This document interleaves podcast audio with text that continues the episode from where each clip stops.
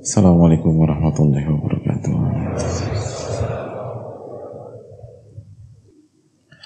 Bismillahirrahmanirrahim.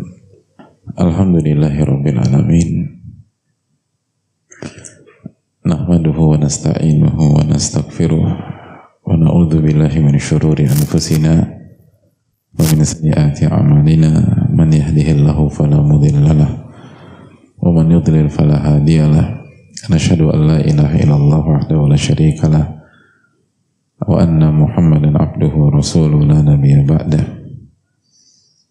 يا أيها الذين آمنوا اتقوا الله حق تقاته ولا تموتن إلا وأنتم مسلمون. يا أيها الناس اتقوا ربكم الذي خلقكم من نفس واحدة وخلق منها زوجها وبث منهما رجالا كثيرا ونساء. واتقوا الله الذي تساءلون به والأرحم إن الله كان عليكم رقيبا. يا أيها الذين آمنوا اتقوا الله وقولوا قولا سديدا. يصلح لكم أعمالكم ويغفر لكم ذنوبكم. ومن يطع الله ورسوله فقد فاز فوزا عظيما. Hadirin Allah muliakan Alhamdulillah kita panjatkan puji dan syukur kita kepada Allah Tabaraka wa Ta'ala atas segala nikmat yang Allah berikan kepada kita sehingga kita bisa kembali berkumpul di salah satu rumah-rumah Allah Subhanahu wa taala dalam rangka meningkatkan ilmu dan iman kita kepada Allah Subhanahu wa taala. Karena ilmu yang bermanfaat itu melahirkan iman dan menambah iman. Sebagaimana kandungan surat Al-Asr wal asri innal insana lafi khusrin illa alladhina amanu wa amilu salihat wa tawasaw bil haqqi wa tawasaw bis sabr. Demi waktu manusia itu berada dalam kerugian kecuali orang-orang yang beriman, beramal soleh, dan saling menasihati di atas kebenaran dan kesabaran.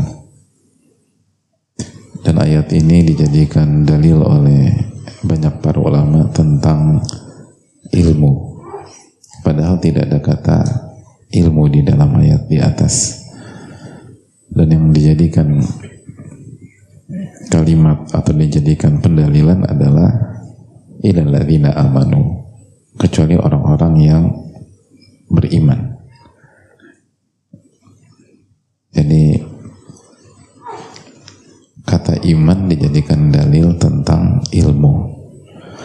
Itu menunjukkan bahwa ilmu nafi itu melahirkan iman, bukan hanya membuat kita ngerti atau membuat kita tahu atau dijadikan bahan obrolan. Tapi bagaimana kita keluar dari sebuah majelis ilmu dengan membawa pulang iman yang sebelumnya tidak kita punya atau menambah kadar iman kita lebih baik daripada sebelum kita hadir di majelis tersebut. Semoga Allah memberikan kita taufik untuk beriman dan terus meningkatkan iman kita. Amin ya rabbal alamin. Sebagaimana salawat beriring salam semoga senantiasa tercurahkan kepada Rasulullah alaihi salatu wassalam beserta para keluarga, para sahabat dan orang-orang yang istiqomah berjalan di bawah naungan sunnah beliau sampai hari kiamat kelak.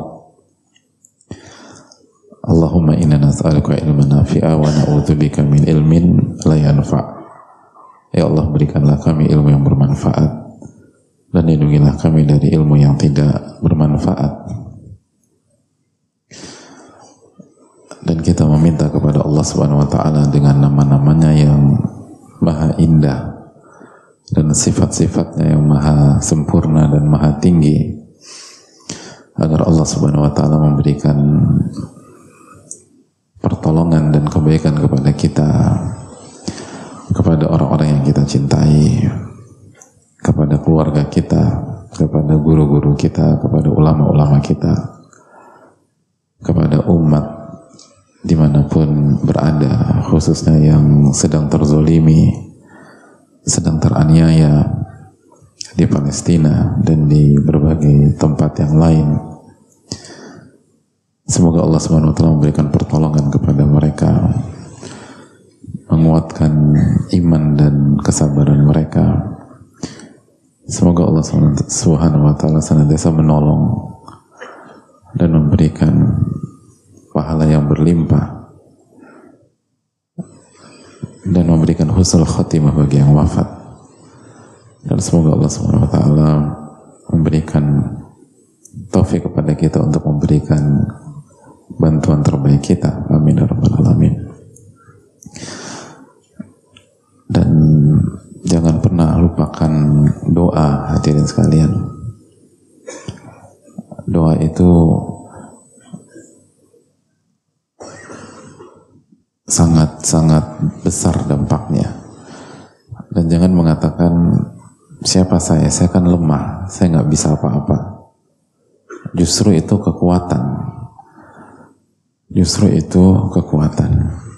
Nabi kita SAW bersabda, Innama tunsarun wa turzaqun bidu'afaikum dalam hadis surat Imam Ahmad Nabi kita alaihi salatu wasallam bersabda sesungguhnya kalian itu dimenangkan, ditolong dan diberikan rizki.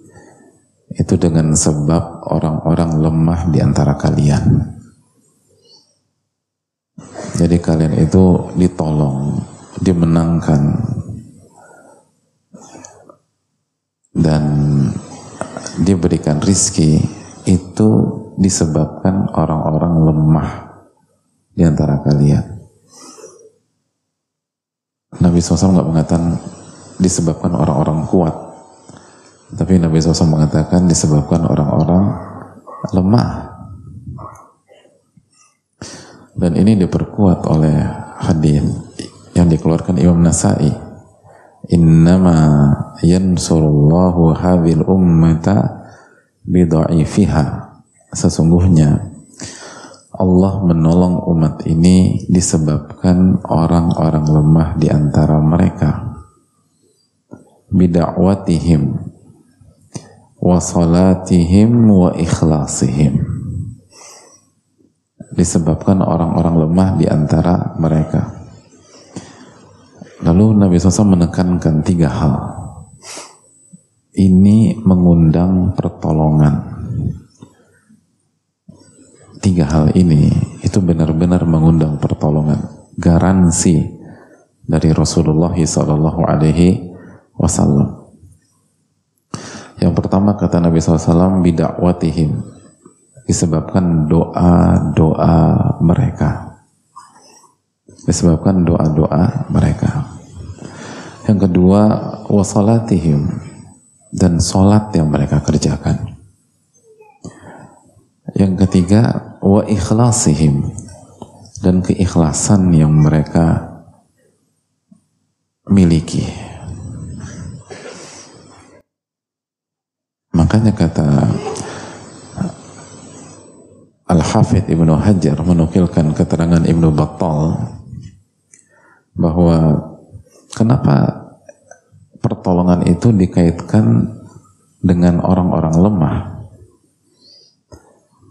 karena secara umum orang-orang lemah itu asyaddu ikhlasan fid du'ai wa aktsaru khusyu'an fil ibadah li khala'i qulubihim 'an ta'alluqi bi zakhrafid dunya. Karena orang-orang lemah itu secara dalam banyak banyak kasus banyak uh, contoh itu lebih ikhlas kalau doa. Kalau doa lebih ikhlas, nggak ada kepentingan mereka, nggak ada kepentingan, nggak ada kepentingan. Yang kedua, kalau sholat dan ibadah lebih khusyuk. Jadi kalau doa lebih ikhlas, lebih tulus karena ada kepentingan. Ketika hadirin doakan saudara-saudara kita, apa kepentingannya? Gak ada kepentingan sama sekali. Kita nggak punya nggak punya kepentingan hubungan dagang, kita nggak punya nggak punya. Kita orang-orang lemah, nggak ada keperluan kecuali karena mereka saudara-saudara kita. Dan menjalankan perintah Allah Taala. Dan yang kedua, lebih khusyuk dalam ibadah. Kenapa lebih khusyuk? Karena hati mereka lebih bersih, lebih steril daripada atau lebih bersih dan lebih steril dari hiruk pikuk perhiasan-perhiasan dunia. Itu kekuatan hadirin. Itu kekuatan. Makanya Abu Darda sebagaimana yang dibawakan oleh Imam Al-Bukhari dalam kitab sahihnya apa kata Abu Darda? Innama tuqatiluna bi'amalikum. Kalian itu berperang dan berjuang dengan amal-amal kalian. Amal jadi amal-amal umat itu menentukan Jadi kalau kita benar-benar sayang sama saudara-saudara kita, jaga ibadah kita di hari-hari ini. Kalau kita benar-benar sayang sama saudara kita di Palestina, di Gaza, atau di di belahan dunia mana pun dan kita berharap Allah tolong mereka, jaga sholat kita, jaga zikir kita, jaga zikir petang dan pagi, jaga sholat-sholat rawatib. Jaga sholat lima waktu. Jaga perintah-perintah Allah dan hindari larangan-larangan Allah. Lalu panjatkan doa-doa terbaik kita lalu bantu sebisa mungkin sesuai dengan nizam atau peraturan di negara masing-masing itu kata para ulama. Jika kita ingin donasi atau bantuan bantu dengan jalur sesuai dengan nizam atau peraturan negara masing-masing, jalur resmi yang aman, yang valid dan sampai kepada warga di sana dan lain sebagainya. Dan itu juga sudah diakomodir oleh pemerintah kita. Jadi hadirin Allah muliakan. Ini bukan hari-hari bukan hari-hari santai, bukan hari-hari gelap tawa. Ini hari-hari tadarru kepada Allah. Hari-hari beribadah kepada Allah. Hari-hari tunduk kepada Allah. Hari-hari memperbanyak sholat memperbanyak zikir. Yang sanggup puasa sunnah puasa sunnah. Semata-mata mencari wajah Allah subhanahu wa ta'ala lalu berharap bahwa Allah menolong saudara-saudara kita. Dan ini penting. Ini hal yang sangat penting. Makanya kan Nabi SAW mengatakan kam min ash'atha akbar betapa banyak orang-orang yang rambutnya berantakan. Akbar tubuhnya penuh dengan debu. Gak dianggap orang lemah. Orang miskin. Dalam riwayat madfu'in bil abwab. Kalau dia kalau dia bertamu nggak dibukakan pintu dia. Tapi lau aqsama 'ala Allahi la abarrah. Kata Nabi SAW sekali dia berdoa ke atas diijabah sama Allah Subhanahu wa taala. Allahu akbar Nah doa-doa orang-orang seperti ini yang diharapkan Khususnya dalam kondisi seperti ini hadirin. Dan ini penting. Ini tentang iman. Awthaqa ural iman hubu fillah wa bugdu fillah.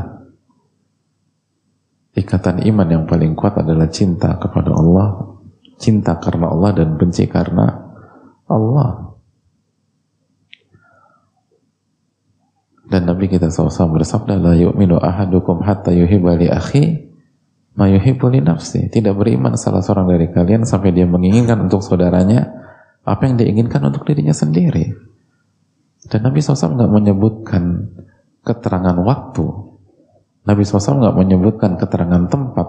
Nabi hanya menyatakan Sallallahu Alaihi Wasallam tidak beriman salah seorang dari kalian sampai dia menginginkan untuk saudaranya apa yang diinginkan untuk dirinya sendiri dari kebaikan.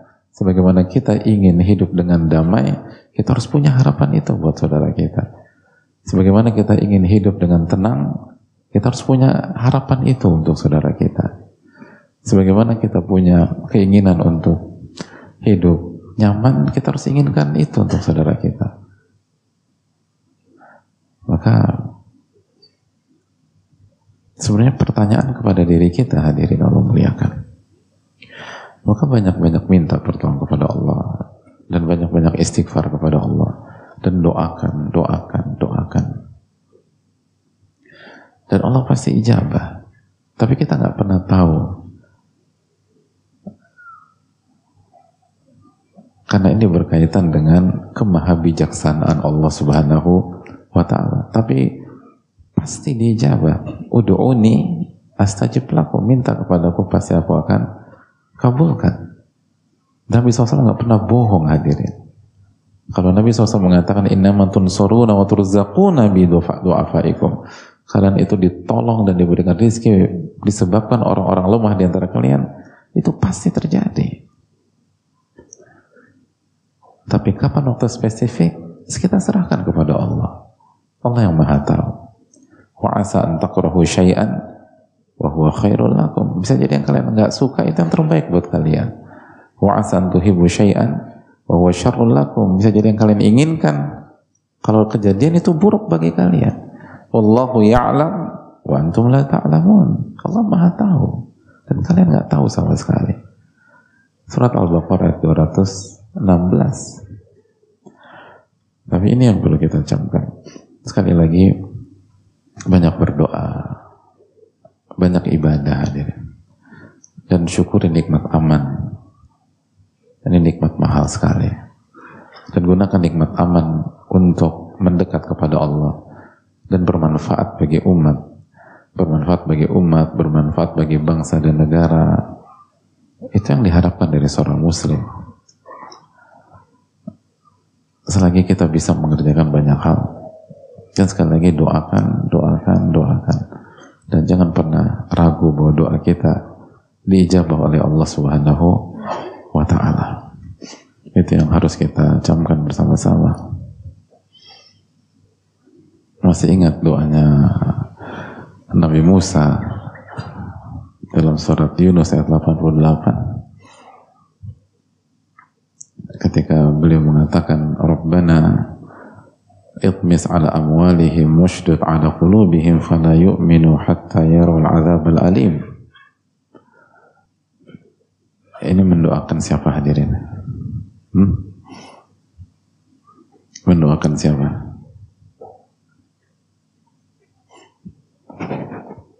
Ini kan doa Nabi Musa ke mendoakan mendoakan Firaun. Jadi hancurkan harta mereka. Hancurkan harta mereka.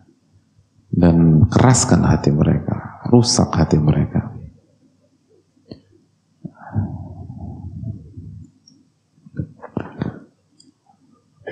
Ini mendoakan ini mendoakan untuk doa ke meminta kepada Allah mendoakan Firaun. Apa kata Allah Subhanahu wa taala dalam ayat berikutnya, ayat ke-89?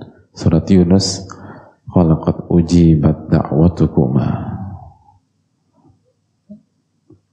Sesungguhnya doa kalian diijabah Fastaqima Maka istiqomahlah wala tattabi'anni sabilal ladzina la ya'lamun dan jangan kalian ikuti jalan orang-orang yang tidak yang mereka tidak mengetahui. Jadi Nabi Musa berdoa dan Allah mengatakan qad ujibat da'watukuma. Hadirin Allah muliakan.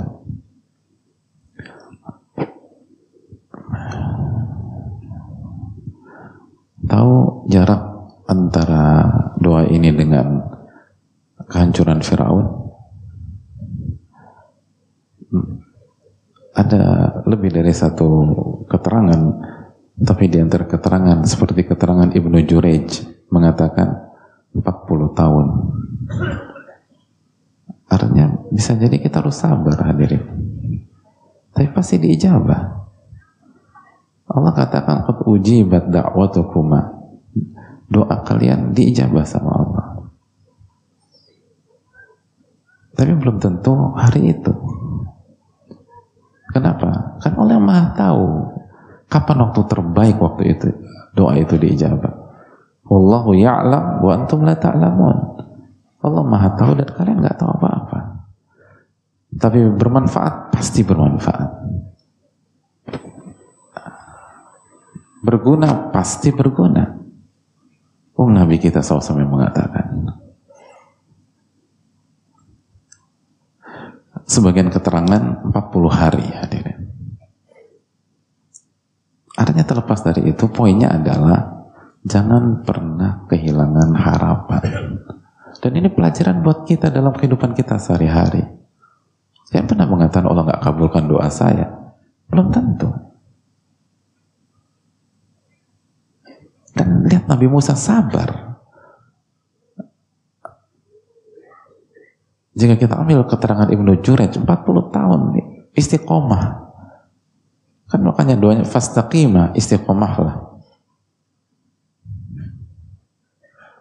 Jadi doa kalian sudah aku kabulkan. Sekarang istiqomah. Istiqomah. 40 tahun kalau tafsir Ibnu Jurej. Dan terus istiqomah yakin sama Allah Subhanahu wa taala. Kita baru doa satu bulan tentang masalah kita, udah goyang kita hadirin. Kalau kita lupa kita maksiat puluhan tahun. Gitu. Ya, manusia begitu. Baru doa enam bulan yang lalu Allah belum ijabah. Mana janji Allah? Anda apa yang sudah Anda kerjakan? Anda maksiat puluhan tahun. Gak langsung Allah azab. Allah delay. Anda nggak bersyukur kepada Allah. Coba kalau langsung Allah adab. Tapi giliran Anda minta, lalu Allah tunda, Allah nggak tunda, Allah kasih yang ter, Allah kasih yang terbaik dan Allah kasih momen yang terbaik. Tapi Anda komplain. Manusia begitu hadir sekalian. Oleh karena itu ini yang perlu kita tahu kembali lagi ke poin kita. Sekali lagi doakan saudara kita, doakan saudara kita. Dan dan perbanyak ibadah karena ibadah kita pasti akan memberikan pengaruh pasti kita yakin kita yakin dengan janji Rasul kita Shallallahu Alaihi Wasallam dan ingat apa yang dikatakan Abu Darda orang beriman itu berjuang dengan amal solehnya dengan ibadah-ibadahnya karena mereka yakin mereka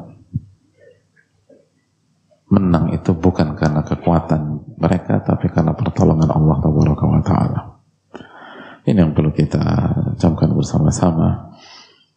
Dan sekali lagi selalu minta pertolongan kepada Allah. Selalu minta pertolongan kepada Allah Subhanahu wa taala. Khususnya di hari-hari ini. Dan ini hari-hari takarrub kepada Allah, hari-hari meningkatkan amalan, hari-hari memperbanyak istighfar, hari-hari memperbanyak ibadah. Dan bantu semampu kita. Sesuai dengan nizam atau peraturan di setiap negara kata para ulama. Dan alhamdulillah pemerintah kita memfasilitasi. Dan uh, menggunakan jalur yang resmi. Allah Ta'ala bisa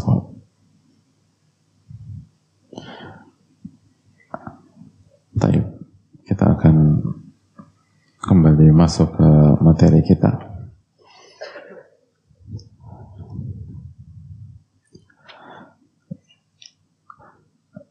Hadirin Allah muliakan kembali ke pembahasan yang sedang kita bahas bahwa penuntut ilmu itu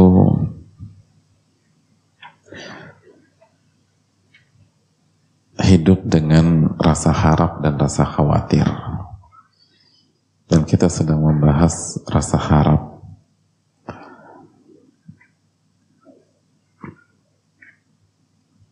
Jadi seorang muslim, apalagi penuntut ilmu, itu hidup dengan rasa harap. Dan itulah syarat bagaimana ilmu kita menjadi ilmu nafi. Itu syarat ilmu kita menjadi ilmu yang bermanfaat. Karena kita hidup dengan harapan. Dan harapan itu penting. Allah berfirman, La taqnatu min rahmatillah. Jangan pernah putus asa dari rahmat Allah. Dalam surat apa hadirin? Az-Zumar ayat 53 La taqnatu min rahmatillah.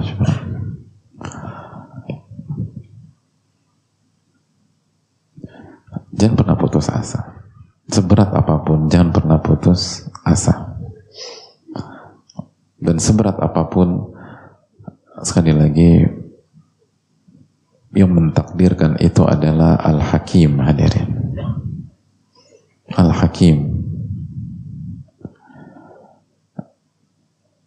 salah satu nama Allah itu Al-Hakim.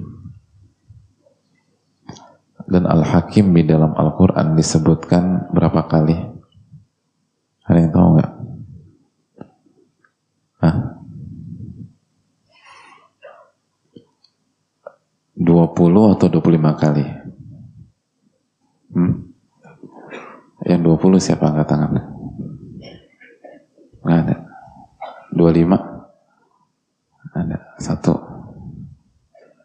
Masya Allah. Disebutkan 91 kali. 91 kali. Kasih hadiah buat beliau. Berani beliau. 91 kali hadirin. Pertanyaannya, kenapa 91 kali? Banyak loh itu hadirin. Al-Hakim. Tapi sebelumnya apa sih yang dimaksud dengan Al-Hakim? Kata para ulama, Al-Hakim itu Alladhi la yaqul wa la yaf'al illa sawab. Al-Hakim adalah yang tidak bicara dan tidak melakukan sesuatu kecuali benar.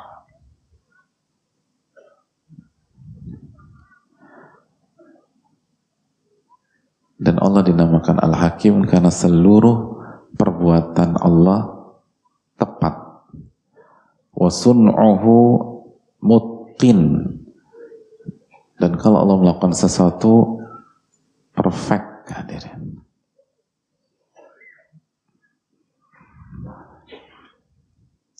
Maka Allah dinamakan Al-Hakim.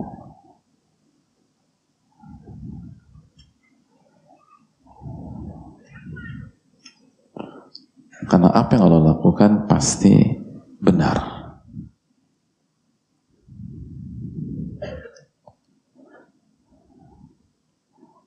Pasti benar.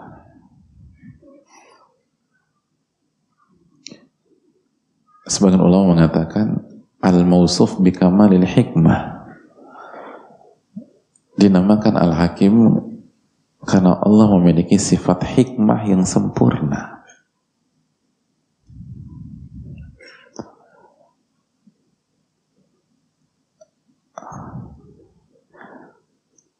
karena ketika Allah putuskan sesuatu baik itu keputusan kauni kodari kejadian atau musibah atau hukum syar'i halal haram atau hukumul jazai reward and punishment itu semua perfect hadirin. Semua tepat. Dan berdasarkan ilmu Allah yang maha luas. Wal ittila' ala mabadi'il umur wa awaqibiha. Dan setelah diketahui baik permulaan sampai ending dan akibatnya. Jadi ketika Allah mentakdirkan sesuatu pada diri hadirin sekalian, maka semua yang Allah tetapkan kepada hadirin adalah keputusan yang sempurna, yang perfect, yang itkon. Kenapa? Karena Allah sudah mengetahui dan memperhitungkan dari detik pertama sampai detik terakhir dan apa dampak ke depan. Semuanya perfect. Semuanya sempurna. Semuanya sempurna. Itulah yang dinamakan Al-Hakim wasi'ul hamd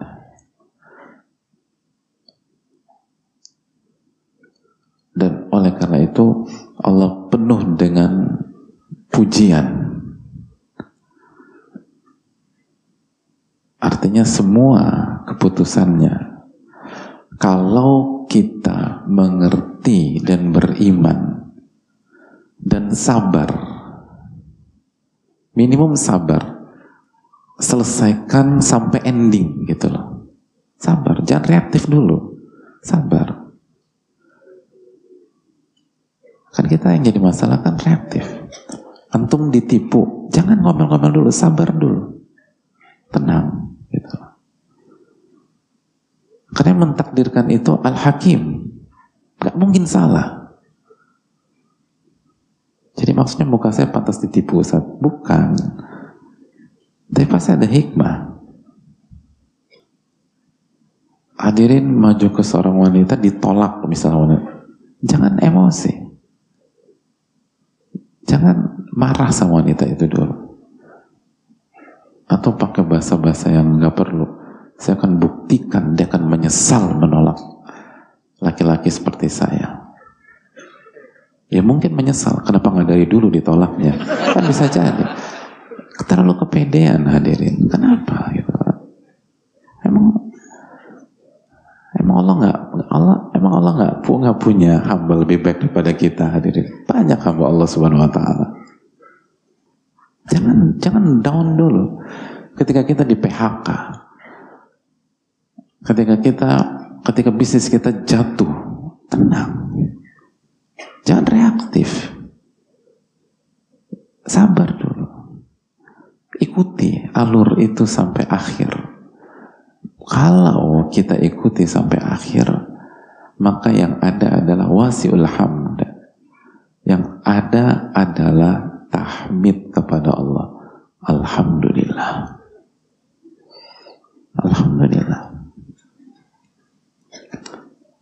Kenapa kita sumpah serapah?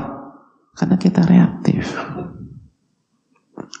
Kenapa kita reaktif? Karena kita tidak kenal dengan Rob kita sendiri. Mengenal itu penting hadirin. Mengenal itu penting. Mengenal itu penting. Hadirin Allah muliakan. Itu Al-Hakim. Maka seorang muslim begitu mengenal Robnya, maka dia akan hidup dengan penuh harapan. Seberat apa pun. Seberat apa pun. Akan ada harapan. Karena dia tahu Robnya. Dan sebaliknya, begitu kita nggak tahu Rob kita, oh berantakan kita hadirin berat. sulit kita bertahan. Bukan karena ujiannya berat. Tapi karena kita tidak mengenal.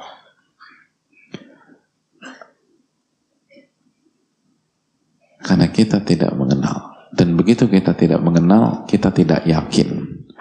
Begitu kita tidak yakin kita hidup di tengah-tengah keragu-raguan dan hidup ragu-ragu itu nggak enak. Oh nggak enak. Itu nggak nyaman. Hidup dalam keraguan-raguan itu tidak nyaman.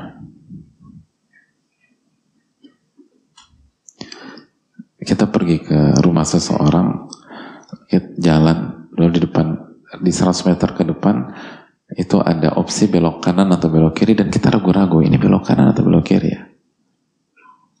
Oh itu nggak enak hadirin. Atau kita di Jakarta nih. 100 meter 100 meter kita masuk sebuah jalan protokol dan kita ragu-ragu. Jalan di depan kita ini berlaku ganjil genap apa enggak oh itu nggak enak tuh hadirin Misalnya di tanggal kita di pada hari itu tanggal 7 plat kita genap. Tanggal 7. Dan kita ragu-ragu. Jalan depan kita ini ini berlaku sistem ganjil genap apa enggak? Itu 100 meter itu enggak enak ngadepinnya. Uh, enggak nyaman. Itu. Enggak, enggak nyaman. Hidup dalam keraguan itu tidak enak.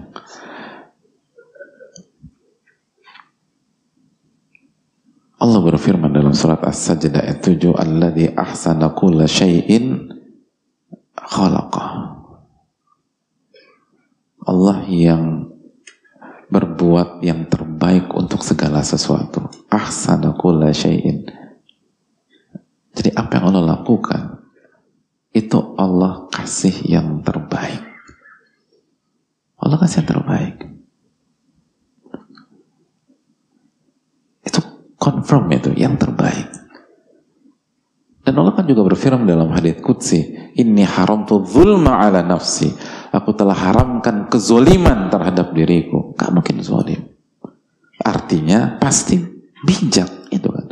Pemahaman terbalik dari zolim apa? Bijak dan adil. Akan. Ini pasti bijak. Kenapa kita terpukul karena kita tidak yakin. Kenapa kita nggak yakin? Karena kita tidak mengenal atau kurang mengenal. Maka Allah berfirman dalam surat Al-Maidah ayat 50, "Wa man ahsanu minallahi hukman." Tapi nggak titik sampai di sana. Di qaumin yuqinun. Dan siapa yang lebih baik daripada apa yang Allah putuskan. Jadi siapa yang bisa memutuskan lebih baik daripada keputusan Allah? Tapi bagi orang-orang yang yakin hadirin. Bagi orang-orang yang yang yakin. Maka di sinilah salah satu pondasi harapan yang ada di dalam setiap muslim dan harapan yang ada di setiap penuntut ilmu. Jadi harapan itu bukan dibangun di atas sugesti, bukan. Tapi harapan itu dibangun di atas iman. Iman kepada Allah. Dan iman kepada Allah itu dibangun di atas ilmu kita tentang Allah.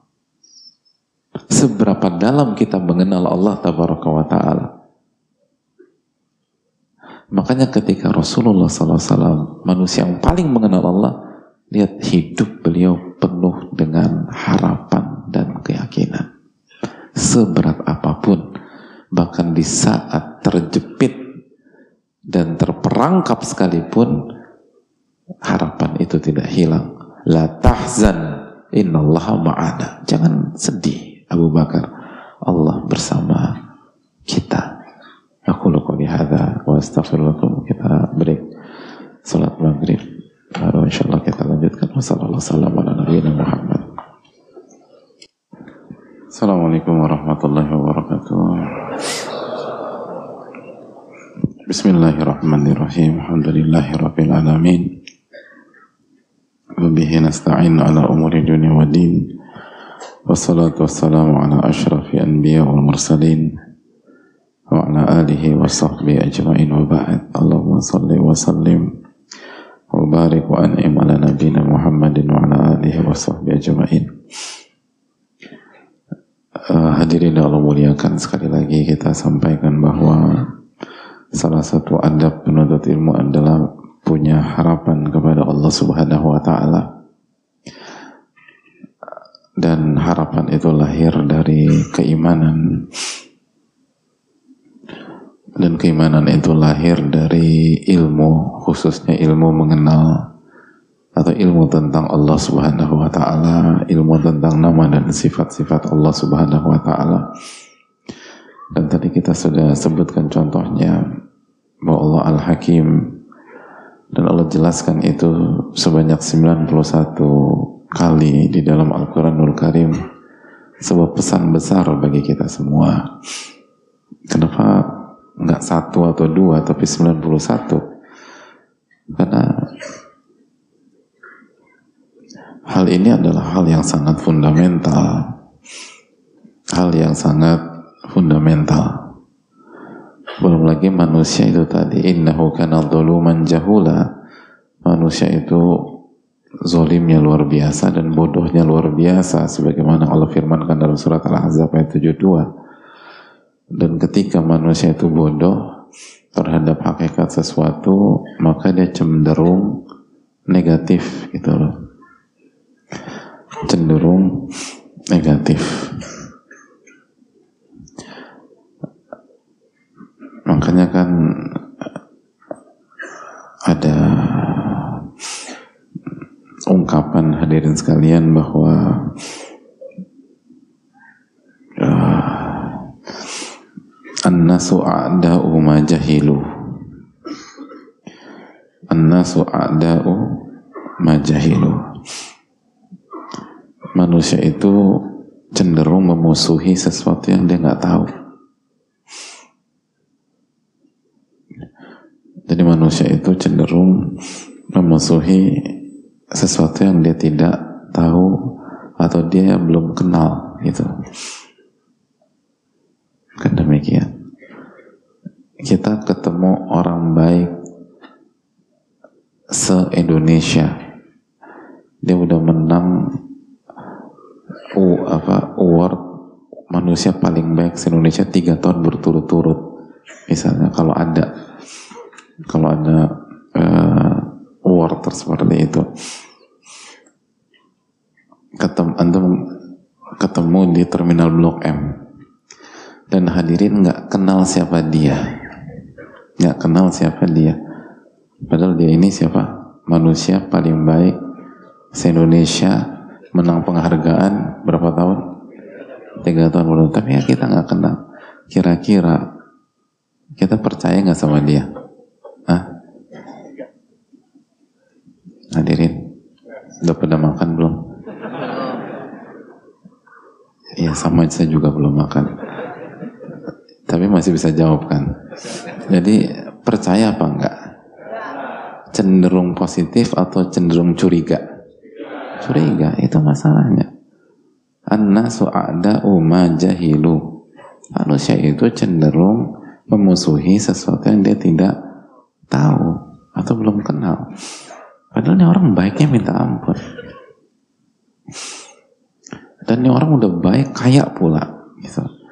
dia bilang mas ikut saya ke rumah saya. Nanti saya kasih fulus. Gitu. Begitu dikasih alamat datang ya gitu. begitu dia berlalu asistennya bisik-bisik. Mas datang mas minimum 250 juta. Kira-kira kita datang nggak? Enggak. Nggak datang gitu. Padahal beneran itu. Nggak datang gitu. kalaupun datang mungkin satu dua orang se sejamaah antum ini gitu datang. Itu pun karena nggak punya nggak punya kerjaan. Atau lagi nggak ada ini. Kalau ini, ini orang aneh nih, nggak ada orang kayak begini. Padahal beneran nih. Jadi kita cenderung curiga, cenderung hus, cenderung buruk sangka, suudzon. Nah yang repot adalah ketika kita suudzon dengan Allah Subhanahu wa taala, ya berantakan hidup kita hadirin. Dan buruk sangkanya kita kepada Allah karena kesalahan kita, karena kita nggak kenal Allah taala. Makanya di sinilah pentingnya ilmu, di sinilah pentingnya tauhid, di sinilah pentingnya mempelajari nama dan sifat Allah Subhanahu wa taala. Di sinilah kita pentingnya mengkaji Al-Quranul Karim. Pentingnya kita mengkaji dan membahas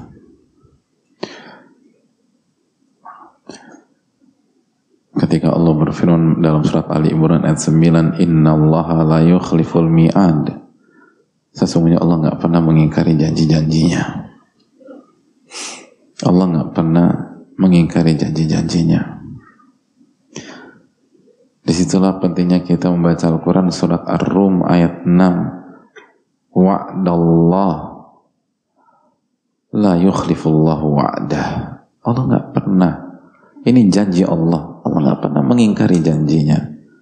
Walakinna aktsaran nas la ya'lamun. Tapi mayoritas manusia nggak ngerti kata Allah. Mayoritas manusia nggak paham, nggak punya ilmu gitu. Allah nggak pernah mengingkari janjinya. Ketika Allah mengatakan man yattaqillah yaj'al lahu makhraja wa yarzuqhu min haitsu la yahtasib. Dalam surat At-Talaq ayat 2 dan 3 barang siapa yang bertakwa kepada Allah Allah akan memberikan jalan keluar dan Allah akan memberikan rizki dari arah yang tidak ia duga-duga. Dan kaitkan ke surat Ar-Rum tadi. La yukhlifullahu wa'dah. Allah nggak pernah mengingkari janjinya.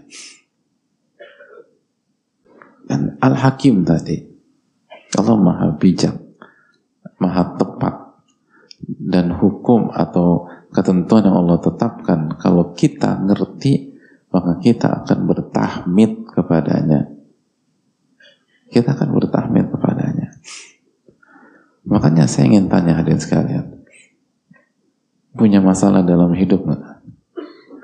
Nah, ya, kelihatan dari muka-mukanya yang berat-berat sering ngadepin ketika hadirin menghadapi masalah berat-berat sholat apa enggak? sholat ketika sholat baca al-fatihah apa enggak? baca al-fatihah ada ayat yang di skip apa enggak? apa yang yang kita baca di awal al-fatihah Alhamdulillahi Rabbil Alamin Ar-Rahman Ar-Rahim Itu tadi. Apakah karena ketika apakah karena kita, karena kita punya masalah lalu Allah kasih pengecualian Anda yang punya masalah nggak usah baca ayat ini itulah nggak usah baca gitu. baca inadillahi aja mana seberat apa pun masalah kita kita tetap disuruh sholat dan ayat itu tetap kita baca alhamdulillahi rabbil alamin. Cuman kita nggak ngerti. Sehingga hanya lisan yang kita baca. Padahal itu pesan bahwa apa pun yang Anda alami di hari itu itu ditetapkan oleh ahkamul hakimin maka endingnya pasti terpuji maka pujilah Allah alhamdulillahi rabbil alamin Sehingga itu tadi, ilmu itu salah satu fungsinya. Kenapa kita jauh-jauh datang kajian, luangkan waktu? Karena ilmu melahirkan harapan hadirin. Memang nggak ada uang cash di majelis ilmu secara umum. Tapi kita akan bawa pulang hal yang lebih mahal daripada uang cash. Itu harapan. Yang dengannya kita bisa tetap berdiri tegap Walaupun di tengah-tengah puing-puing musibah dan ujian. Itu hal penting. Ini yang bisa disampaikan. Kita buka sesi tanya jawab. Wassalamualaikum Muhammad wa ala alihi wa ajma'in. Bismillah, saya sangat bisa berharap bertemu dengan Ustadz dalam waktu dekat ini karena masalah yang saya hadapi rasanya sangat mencekik saya dan hari-hari saya lalui pun seperti membingungkan arahnya. Masalah saya adalah saya ditalak suami saat masa nifas. Dan saya saya talak karena pulang dan menerima bantuan dan dekat dengan teman sahabat suami saya yang mana kami dianggap berselingkuh dan kami pun ditemukan di apartemen. Padahal di situ ada asisten saya juga dan keluarga besar menjauhi saya karena masalah ini dan saya sangat saya saat ini benar merasa benar-benar bingung apakah memang di dalam Islam jika berbuat dosa harus dihindari karena takut kena azab kata keluarga saya saya seorang mu'allaf dan keluarga saya masuk Islam karena dakwah saya ke keluarga awal-awal masuk Islam dulu. Masya Allah. Jadi beliau seorang mu'alaf dan seluruh keluarga beliau masuk Islam karena beliau dakwahi. Alhamdulillah. Saat ini saya merasa kecewa dengan sikap seorang muslim yang mendakwah saya sangat hina. Maksudnya menjudge ya. Mem, ya men, mendak, mendak, mendak, ya, ya judge ya judgment. Jadi dia bertemu dengan judgmental.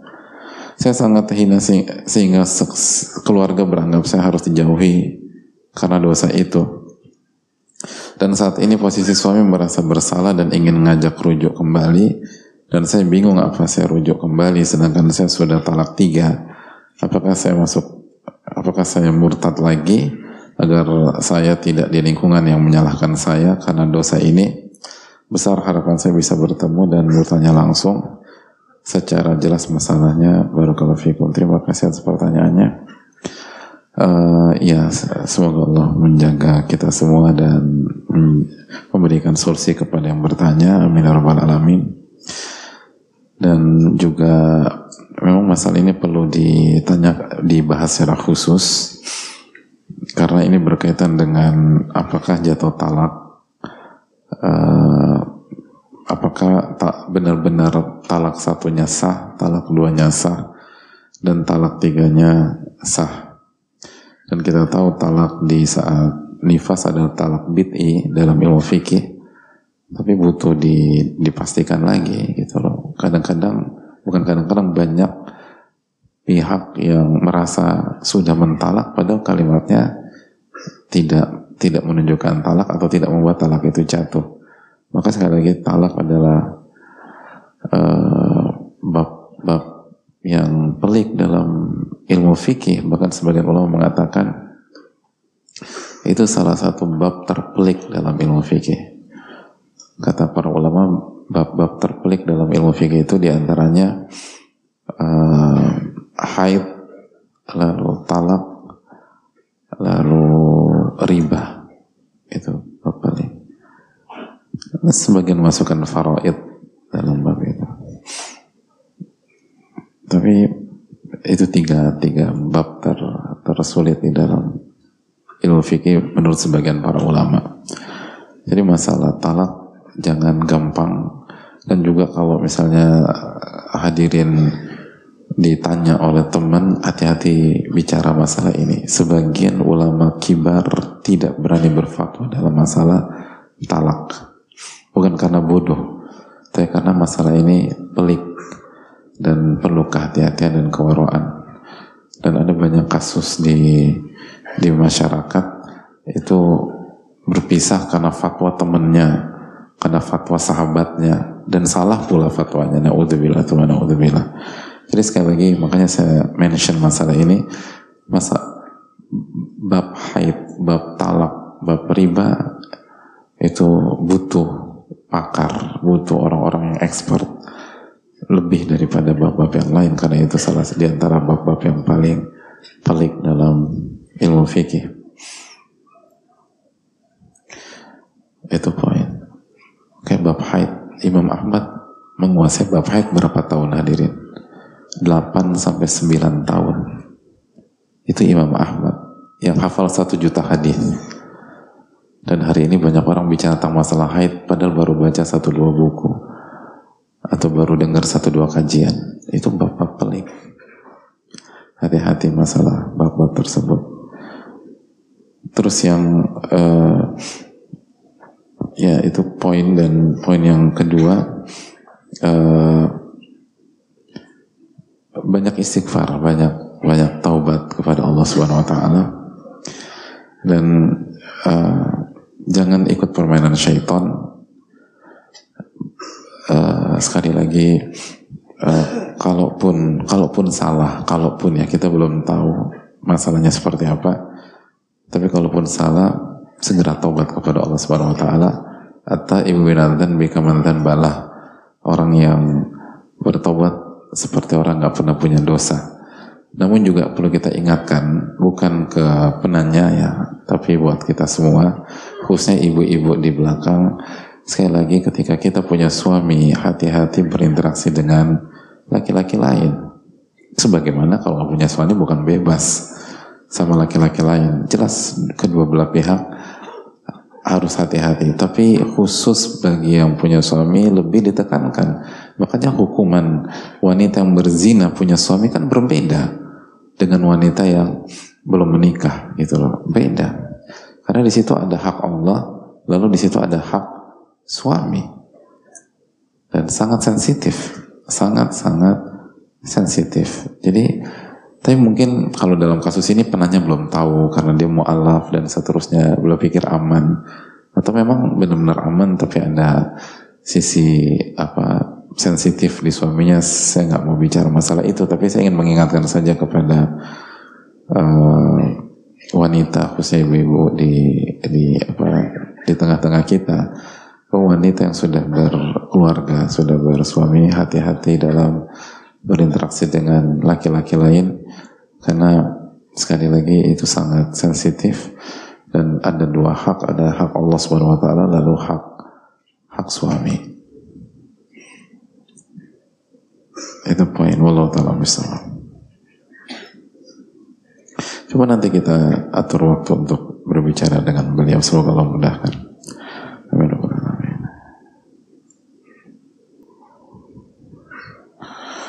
Assalamualaikum warahmatullahi wabarakatuh. Waalaikumsalam warahmatullahi wabarakatuh. Semoga Allah senantiasa merahmati dan memberkahi seluruh para ulama, ustadz, keluarga, serta kaum muslimin. Amin ya alamin. Semoga Allah izinkan pertanyaan ini terbaca oleh Ustadz dan Allah mudahkan Ustadz dalam menjawab. Semoga Allah memberikan taufik. Ustadz bagaimana untuk bisa mengkondisikan diri atas trauma pelecehan seksual? Alhamdulillah ya Saya paham bahwa apa yang terjadi tidak lepas atas dosa kita. Tapi saya masih berproses. Apakah hal tersebut juga berlaku pada korban pelecehan seksual? Padahal saya sudah berusaha untuk berpakaian seperti yang syariat anjurkan, namun tetap terjadi. Ya saya sadar karena itu adalah tempat perkuliahan umum yang saya hanya bisa meminimalisir interaksi dengan lawan jenis. Namun kejadian itu terus terjadi bahkan di ruang kuliah saat belajar maupun di ruang fasilitas umum. Saya sudah di, di tahap melakukan percobaan mengakhiri hidup berulang kali dengan meminum obat psikiatris lebih dari dosis yang, dosis yang dianjurkan. Saya sadar itu dosa atau salah dan salah bahkan saat saya melakukan saat saya melakukannya saya takut sama Allah. Kehendak Allah berkata lain. Allah selalu memberikan nafas dan jantung saya tetap berdetak. Saya malu dan merasa tak pantas untuk berdoa tapi saat itu muncul dalam hati untuk minta sama Allah supaya saya diizinkan ingat dan terus minta doa kepada Allah Subhanahu wa taala. Saya ada ketakutan terutama saat berada di, di kendaraan umum. Setiap ada pengumuman mengenai awareness terkait perilaku pelecehan, saya takut itu terjadi kepada saya lagi atau bahkan saya yang melakukan. Saya selalu ingin berteriak atau memukul kepala saya karena saya takut dengan visualisasi trauma yang muncul. Saya juga masih terus berusaha untuk meyakini bahwa kejadian tersebut akan ada kebaikan pada saya meskipun sangat berat. Saya mencoba untuk mengintrospeksi diri dan jujur namun selalu berakhir pada pernyataan bahwa saya tidak layak hidup. Berdosakah saya Ustadz? Apakah hal itu terjadi atas kesalahan dan kebodohan saya karena diam, tapi setelah menjadi beberapa konseling, merupakan hal wajar jika respon saat terjadi adalah diam atau freeze respon jazakallah khair Ustaz atas kesediaan dan waktunya. Uh, hadirin Allah muliakan.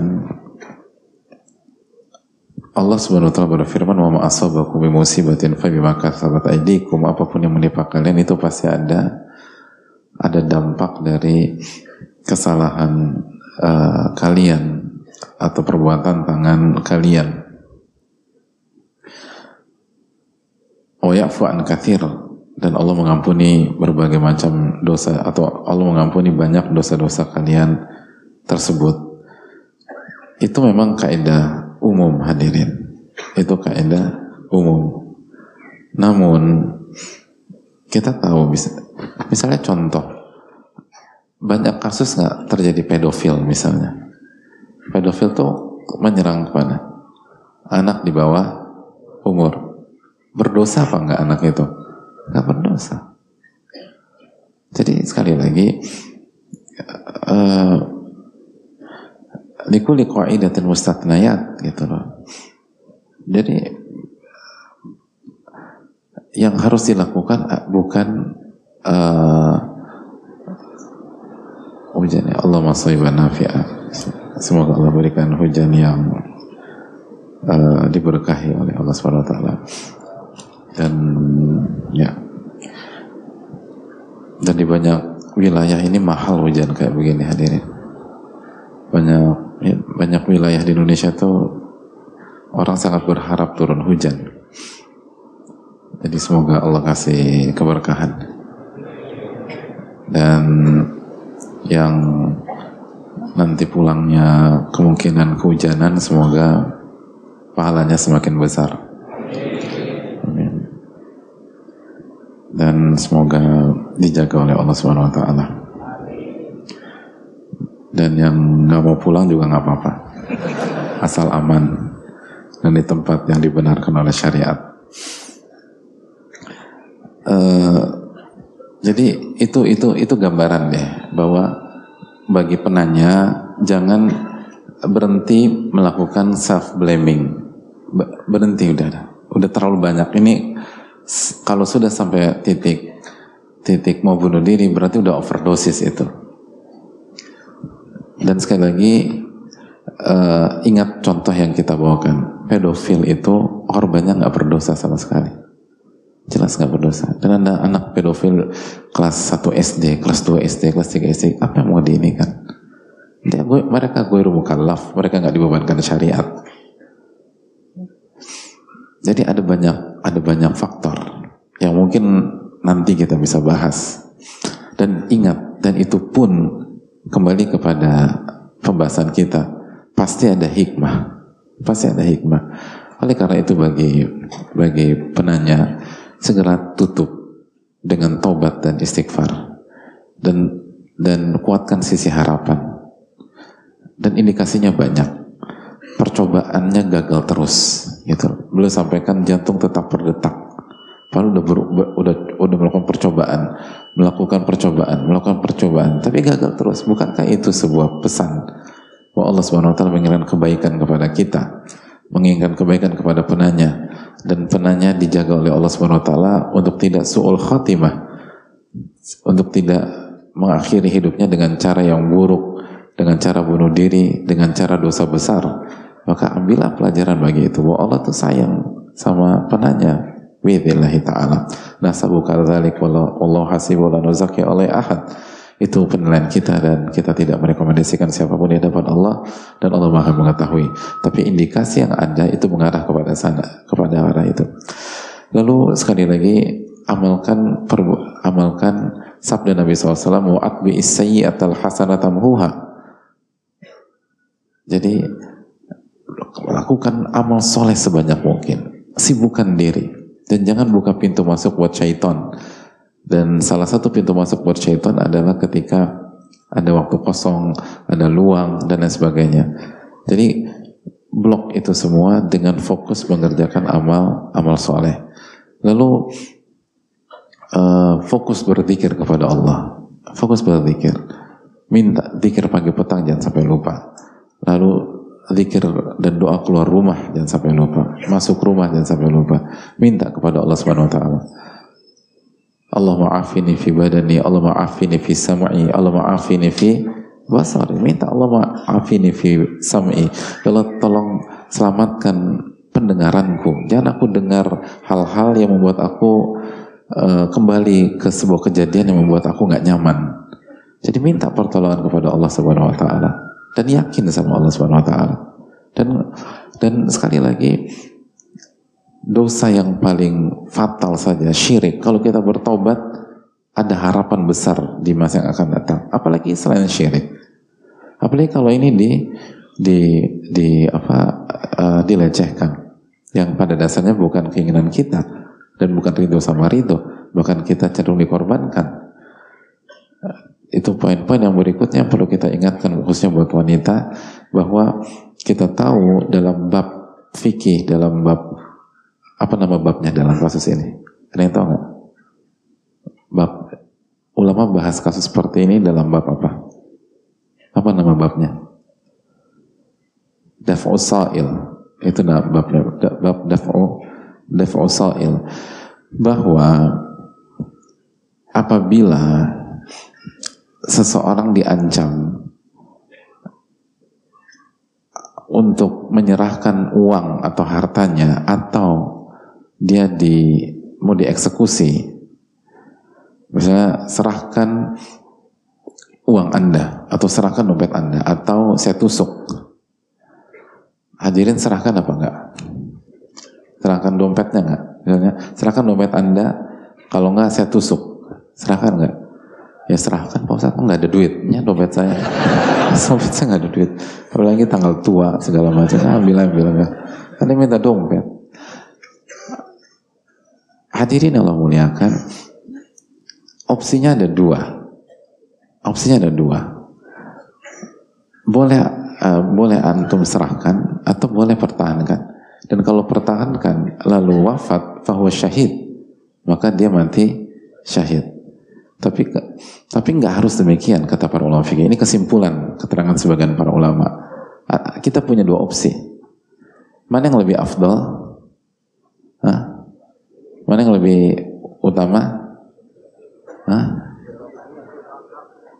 Tergantung maslahat. Tergantung orang beda-beda. Tergantung maslahat. Gitu. Tergantung maslahat. Jadi itu yang bisa dipertimbangkan. Adapun jika yang diancam adalah kehormatan, tidak ada opsi kasih, nggak ada opsi. Kata para ulama, dilawan sampai titik darah penghabisan. Dan insya Allah Allah kasih pertolongan. Dan terbukti ada banyak kasus wanita khususnya apa tidak berhasil disentuh atau diperkosa karena melawan, teriak dan lain sebagainya dan akhirnya Allah kasih pertolongan tanpa dia sangka tuh dia, teriakannya didengar lalu dia ditolong oleh bantuan yang Allah kasih kepada dia. Jadi nggak boleh diam. Apalagi memberikan. Jadi kalau kehormatan tidak ada opsi kecuali melawan. Kalau harta apa ada opsi gitu loh. Kalau memang ternyata apa masalahnya besar, tanggung jawab antum banyak dan seterusnya, terus yang diminta dompet, dompetnya nggak ada fulus, KW lagi, udah kasih aja udah, udah gitu loh. Udah nggak ada fulusnya KW, udah susah, repot. Tapi kalau kehormatan nggak bisa jadi. Kehormatan nggak bisa. Dan itu harus diingatkan dan harus disampaikan dan kepala keluarga harus sampaikan ke istri, ke anak perempuan khususnya. Dan sekarang ke anak laki. Sekarang ke anak laki juga apa harus ekstra protek. Gak boleh, jangan ada yang jangan pernah dikasih. Karena begitu kejadian fatal hadirin, beneran fatal. Dan ini salah satu contoh. Tapi udah, nggak usah menyesal. Udah istighfar tutup dan pikirkan uh, masa depan yang Allah beri, yang dijanjikan sama Allah Subhanahu Wa Taala. Tapi untuk yang lain nggak bisa. Dan dijaga, dijaga, dijaga. Ini hal yang penting. dan bagi dan bagi uh, laki-laki hendaknya menjaga wanita-wanitanya di keluarga masing-masing atau di lingkungan atau ketika di tempat umum apabila ada wanita membutuhkan pertolongan maka tolong. Itu bentuk mendekatkan diri kepada Allah Subhanahu wa taala. Dan pahalanya besar. Dan kita harus jaga wanita. Kita harus jaga wanita. Yang paling mengerti menjaga wanita adalah orang-orang beriman. Yang paling menja yang paling mengerti bagaimana menjaga kehormatan wanita orang-orang beriman. Gitu wanita tuh dimuliakan di dalam Islam. Dijaga di dalam Islam. Dan nggak ada yang boleh sentuh. Itu yang perlu kita tanamkan bersama-sama. Jadi tolong jaga keluarga kita masing-masing dan jaga uh, wanita-wanita uh, kita. Dan dan jangan sampai kita jadi pelakunya. Naudzubillah min dan ingat al jaza min amal. Balasan tergantung jenis perbuatan kita lecehkan orang Allah akan balas. Dengan dengan balasan yang kita nggak pernah duga sebelumnya. Naudzubillah thumma naudzubillah dan sebaliknya. Kalau kita benar-benar beriman jaga kehormatan wanita-wanita kita itu penting. Nggak bisa tidak. Itu hal yang benar-benar ditekankan di dalam di dalam uh, di dalam Islam dan semoga Allah memberikan taufik kepada kita semua. Dan apa letak min rahmatillah bagi penanya jangan pernah putus asa dari rahmat Allah Subhanahu wa taala. Ada banyak rahmat Allah. Dan tutup pintu syaitan dalam hal itu dan hindari hal-hal yang bisa mengkoneksikan ingatan kita ke kejadian-kejadian tersebut. Dan lingkungan harus harus solid dan eh, laki-laki uh, harus menolong wanita. Ini yang bisa disampaikan. Semoga bermanfaat dan semoga Allah menjaga kita semua dan semoga Allah SWT menjaga saudara-saudara kita khususnya di Palestina. Dan semoga Allah SWT menerima amal ibadah kita dan memberikan ilmu nafi. Ilaik. Assalamualaikum warahmatullahi wabarakatuh. Syukran. Awali pagi yang berkah dengan bersedekah. Sahabat, manfaatkan waktu pagi untuk meraih keberkahan dari Allah Ta'ala dan mendapatkan doa baik dari para malaikat. Insya Allah, kita bisa memulainya dengan bersedekah kepada saudara-saudara kita yang membutuhkan pangan.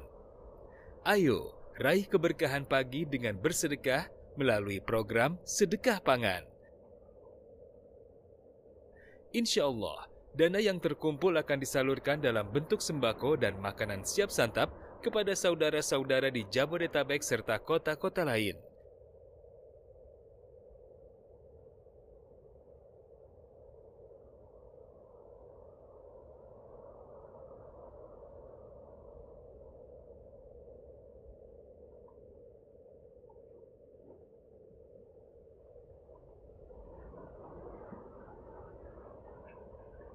Dukung program sedekah pangan dan salurkan sedekah terbaik kita melalui rekening CIMB Niaga Syariah 8600 1381 4400 atas nama Muhajir Peduli Indonesia.